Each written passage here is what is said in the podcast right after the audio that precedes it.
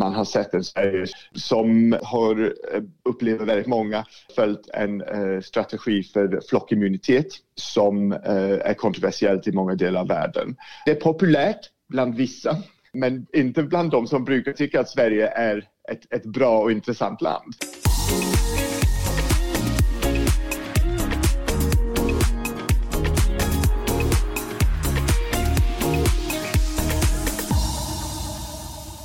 I den amerikanska vänstertidningen The Jacobins podcast så skräder den amerikanska kulturantropologen Michael Seltzer som är verksam vid universitetet i Oslo verkligen inte på orden när han ska beskriva vår statsepidemiolog Anders Tegnell. Varje gång jag tittar på honom så tänker jag här är den banala ondskan, säger han. Ja, och han är ju då inbjuden till den här podden för att prata om hur Sveriges hantering av coronapandemin skiljer sig från de övriga skandinaviska länderna och eh, går alltså så långt att han eh, liknar den vid Nazi-Tyskland. För när han, ja eller hur? För när han säger den banala ondskan så handlar det ju då om Hanna Arendts eller Arendts bok från 1963 med samma namn där hon då skildrar nazismens brott och framförallt SS-officeren Adolf Eichmann som ju brukar beskrivas som en av förintelsens arkitekter. Och ja, Tegnell påminner om Eichmann tycker eh, Michael Seltzer då, för liksom honom är han en iskall byråkrat och räknenisse. Allt är bara siffror, även människor. Och det här är ju då definitivt ett extremt exempel på hur omvärlden reagerar på Sveriges coronastrategi.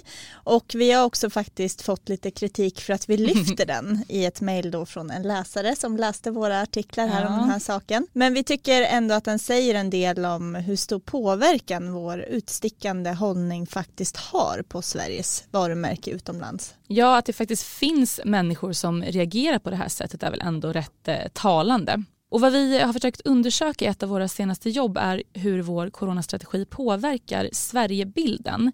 Och det här är ju något som det pratas en hel del om just nu. Och när statsminister Stefan Löfven fått frågan då har ju han hävdat att det inte finns någon samstämmig negativ bild av Sverige i utlandet på grund av coronapandemin.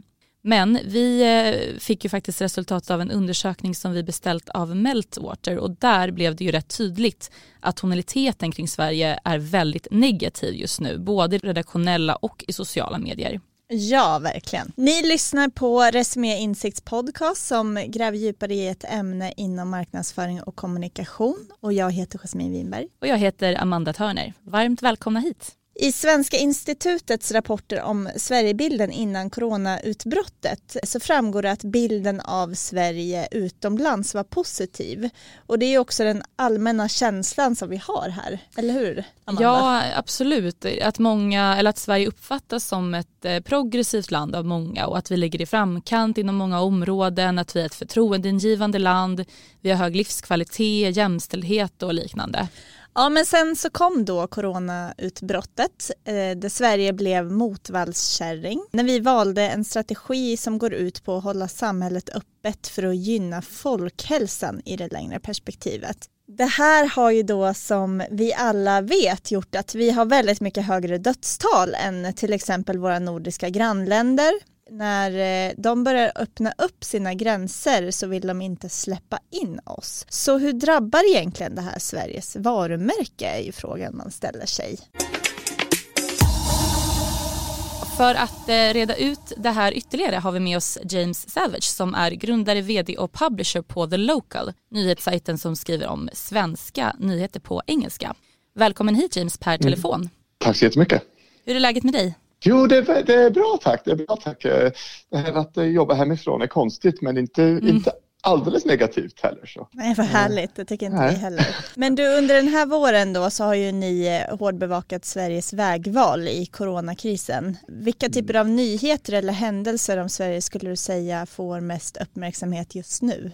Det så kallade svenska experimentet, det här beslutet att, att inte stänga ner hela samhället. Folk ville se om det, om det här skulle funka, om, om, det, om Sverige skulle råka sämre ut än andra länder och nu, nu handlar det framförallt om dödssiffror och flockimmunitet och hur, hur det utvecklas. Så när de förhållandevis höga dödssiffror som vi sett på senare tid har, um, har fått ganska mycket uppmärksamhet. Och vi nämnde här innan att eh, Sverigebilden innan coronautbrottet eh, var positiv. Vi uppfattades som ett land med hög livskvalitet, vi är progressiva, moderna och liknande och helt enkelt ett attraktivt land vad gäller ja, men etableringar och investeringar, turism och allt, allt det där. Hur, hur tror du att mm. den här avvikande då svenska linjen påverkar Sveriges attraktionskraft i de här avseendena? på lång sikt så tror jag att många av dessa värden kommer ändå att bestå mycket beror på hur världen ser ut efter pandemin, pandemin naturligtvis. Men just att Sverige ska vara en, ett, ett intressant land att uh, investera i, att, att, att det, det, kommer ändå vara ett land som förknippas med uh, jämställdhet uh, till exempel och sånt. Mm. Det, det, det, det, kommer att bestå. Men man kan inte säga att just nu, om man tar ett, ett, en ögonblicksbild, så tror jag inte att man kan säga att, att Sverigebilden har påverkats positivt. Tvärtom. Det har påverkats negativt. Man har upplevt Sverige, rätt eller fel, man har upplevt eh, ett Sverige som har gått emot en internationell konsensus om hur man hanterar den här pandemin. Man har sett en Sverige som har eh, upplever upplevt väldigt många följt en eh, strategi för flockimmunitet som eh, är kontroversiellt i många delar av världen. Det är populärt bland vissa men inte bland de som brukar tycka att Sverige är ett, ett bra och intressant land. Det vill säga bland eh, folk på högerkanten, ibland på extrem högerkanten i till exempel USA och Storbritannien. Man har sett det, det svenska experimentet som något positivt. Men bland de som brukar eh, värna det svenska sättet att göra saker och ting på, eh, det vänsterliberala sättet som många upplever det, eh, att Sverige har följt eh, under många år. Eh, bland dem ser man en stor besvikelse. Mm, det. Finns det några av de här karaktärsdragen som Amanda nämnde här som till exempel progressiviteten då som har förstärkts eller försvagats här under pandemin?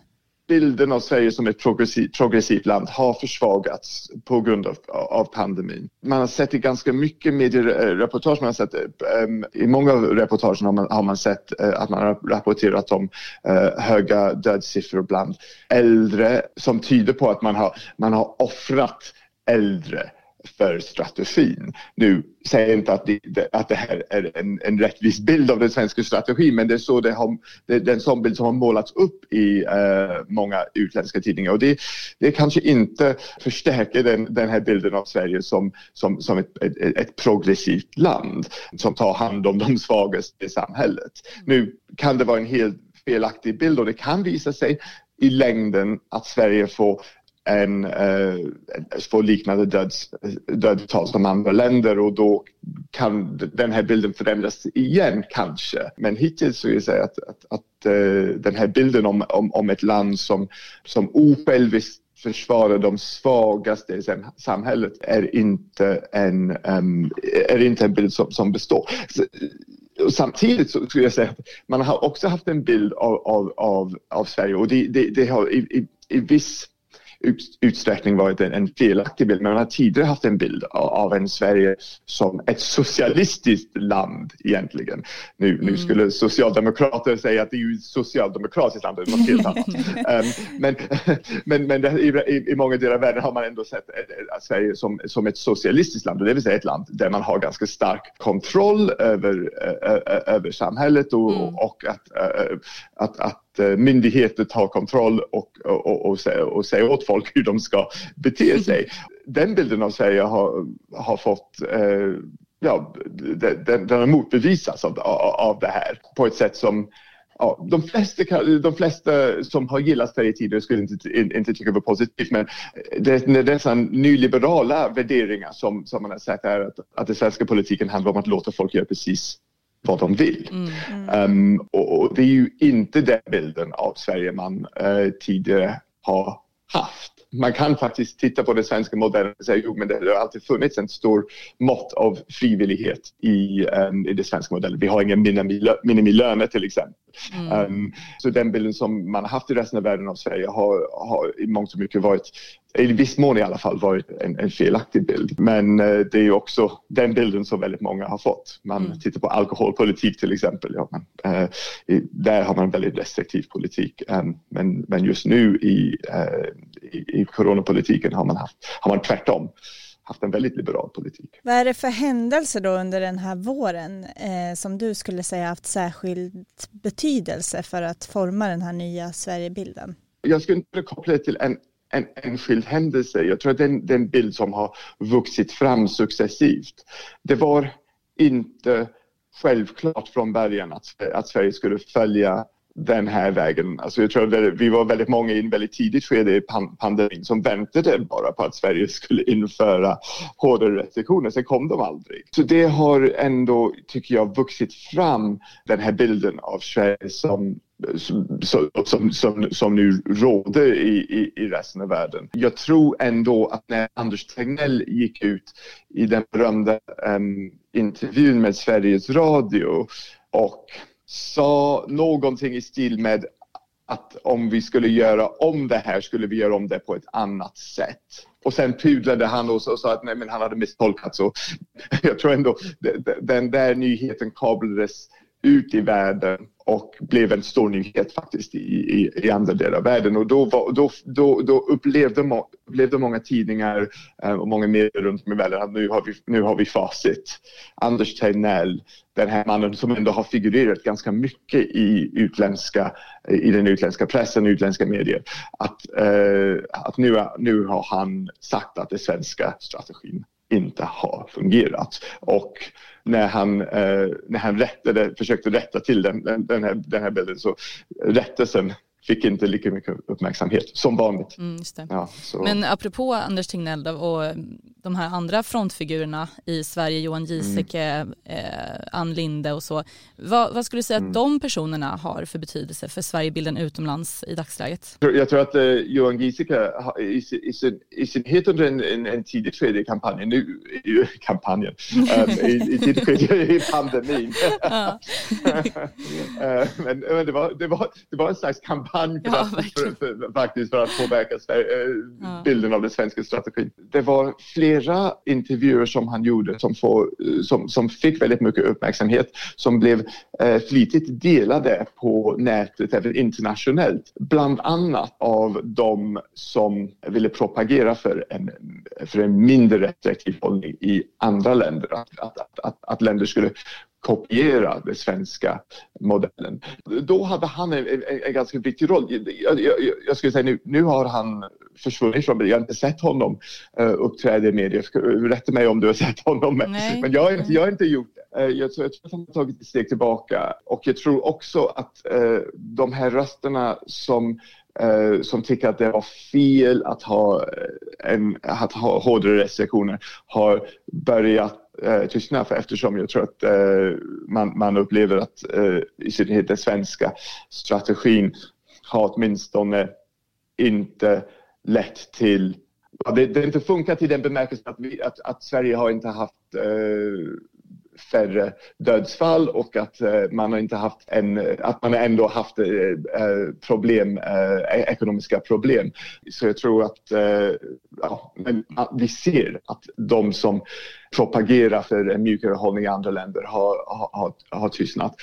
Under tiden då de hade högre svansföring så tror jag att Johan Giesecke var ganska viktigt. Ann Linde Alltså det var väldigt mycket uppmärksamhet just nyligen om hennes intervju i Deutsche Welle i mm, Sverige.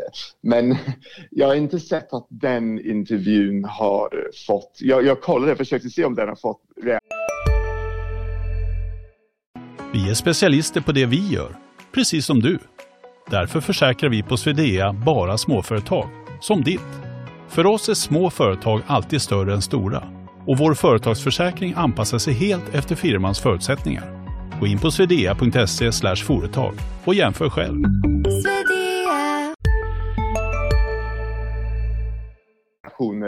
utanför eh, Sverige och jag har inte hittat några eh, reaktioner egentligen eh, till den intervjun. Eh, det, kanske inte är så, det, det kanske är så att, att Deutsche Welles engelska kanal får inte så mycket uppmärksamhet. Ja, men jag tror att det är, det har haft en viss betydelse att eh, Ann och, eh, och Anders Tegnell har gått ut och förklarat att den svenska strategin handlar inte om det som många tror att det handlar om. Och i synnerhet att att Ann Linde har gått ut och sagt, um, och andra svenska politiker framförallt, gått, gått ut och sagt att eh, den svenska strategin handlar om, att, eh, om precis samma saker som strategierna i andra länder. Att det handlar om att platta till kurvan, att se till att sjukvården eh, klarar uppgiften. Det har ändå lyckats ge en mer nyanserad bild av den svenska strategin än det annars mm. hade, hade gett. Alltså media har ändå pratat om Sverige, eh, om svensk, den, den, svenska strategin som en flockimmunitetsstrategi men man har nyanserat det med det som Ann Linde framförallt har sagt om att det här handlar om att uh, bara låta sjukvården klara Eh, mm. klara uppgiften. Så, så, hon har lyckats ändå att mm. nyansera bilden skulle jag säga. En fråga som är lite kopplad då till den förra. Tycker du att det görs några bra liksom, kommunikationsinsatser just nu eh, från svenska representanter för att påverka Sverigebilden här i en positiv riktning?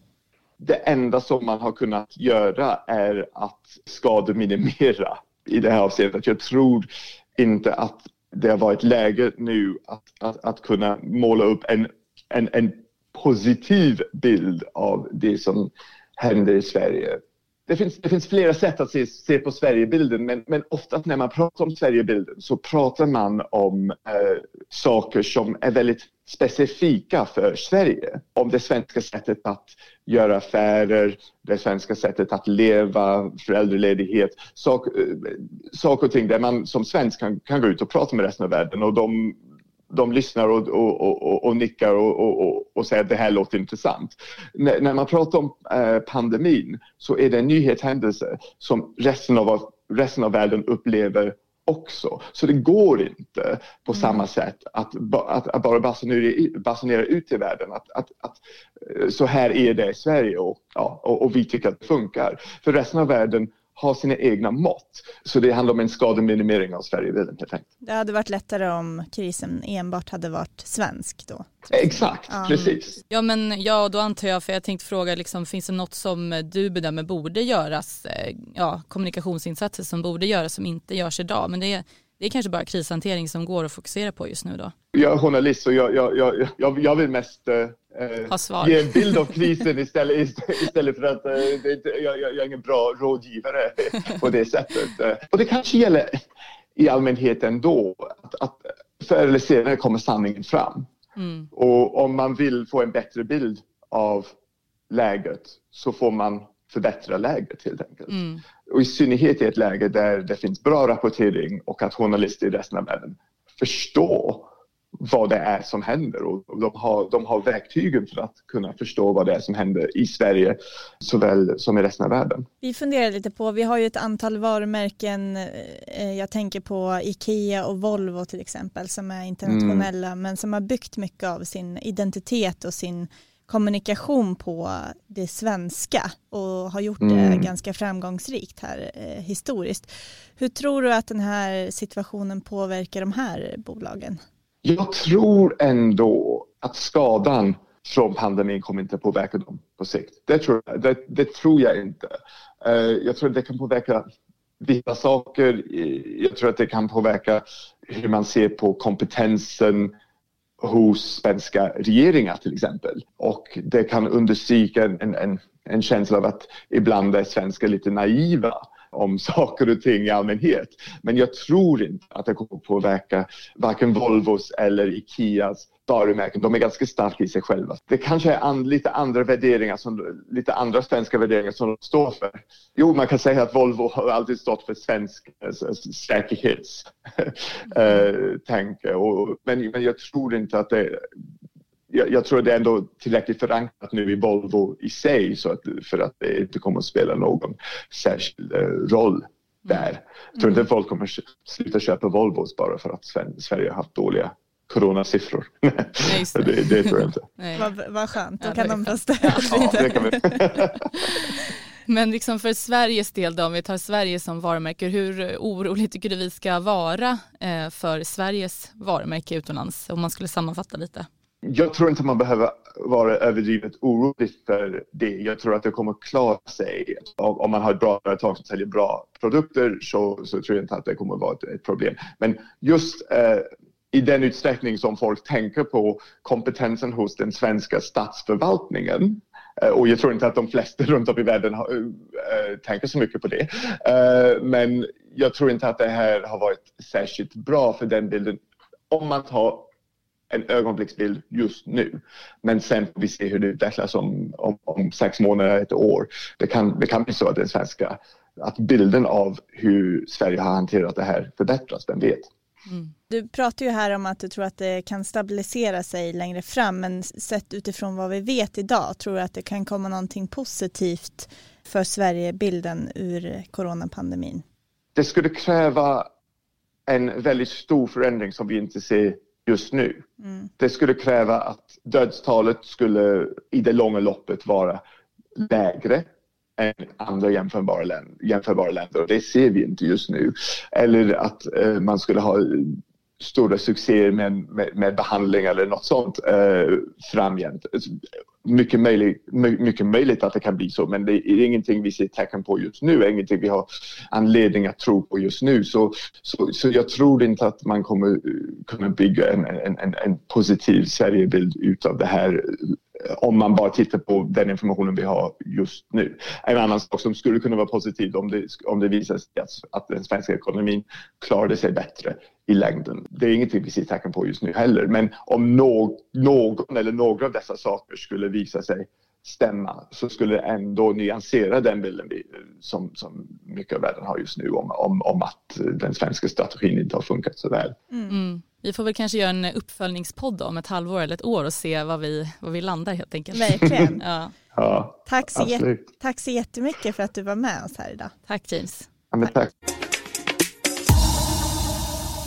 Nu är det dags för veckans svep där vi tar upp tre intressanta grejer från veckan som gått. Eh, och vi tänkte börja med, eh, i förra veckan så skrev ju vi på Resumé Insikt om hur varumärken agerade under Blackout Tuesday. Och om ni mot förmodan har missat vad det, det initiativet handlade om så var det en digital manifestation mot rasism och våld mot svarta människor som kom då efter att eh, George Floyd mördats av poliser i USA. Instagram fylldes av svarta rutor och många varumärken anslöt till initiativet. Vi ville titta på hur det stod till med representationen av svarta människor i kommunikationen då hos de varumärken som valt att ta ställning. Och det visade sig att vissa av de här varumärkena hade nästan 100 eller faktiskt 100% vita personer i sina tidigare bilder på Instagram. Och till den här artikelserien intervjuade vi eh, forskaren Sofia Ulver som tillsammans med ett antal kollegor i flera års tid undersökt hur eh, representationen ser ut i svensk reklamfilm. Och det uppseendeväckande här var att forskarna förra året skrev en debattartikel i DN där de redovisade ett preliminärt resultat som sa att icke-vita är underrepresenterade i svensk reklam. Men när vi nu pratade med eh, Sofia Ulver så har ju hon då ändrat sig och istället menar hon nu att eh, icke-vita är överrepresenterade sett till befolkningen i stort. Och det här var ju då en eh, nyhet i alla fall för oss. Vad som är viktigt att poängtera är ju att det däremot finns en underrepresentation om man ser till hur många icke-vita som får till exempel huvud huvudroller. Ja, gratis är gott brukar det ju heta och det verkar vara utifrån den devisen som vissa aktörer i branschen lever. Resumé har ju då bestämt sig för att granska det vi kallar för gratisträsket och det är en artikelserie som rör allt ifrån obetalda pitcher till obetalda praktikplatser. Och vi vet ju att vissa byråer som själva inte har en särskilt stor personalstyrka har satt i system att erbjuda en mängd praktikplatser varje termin. Häromveckan såg vi också att eh, influensen Margot Ditz, det här skymtade ju förbi på Instagramflödet. Hon söker en praktikant för en dags fotojobb. Och det här är en person då som gjorde 10 miljoner kronor i vinst i sitt aktiebolag förra året.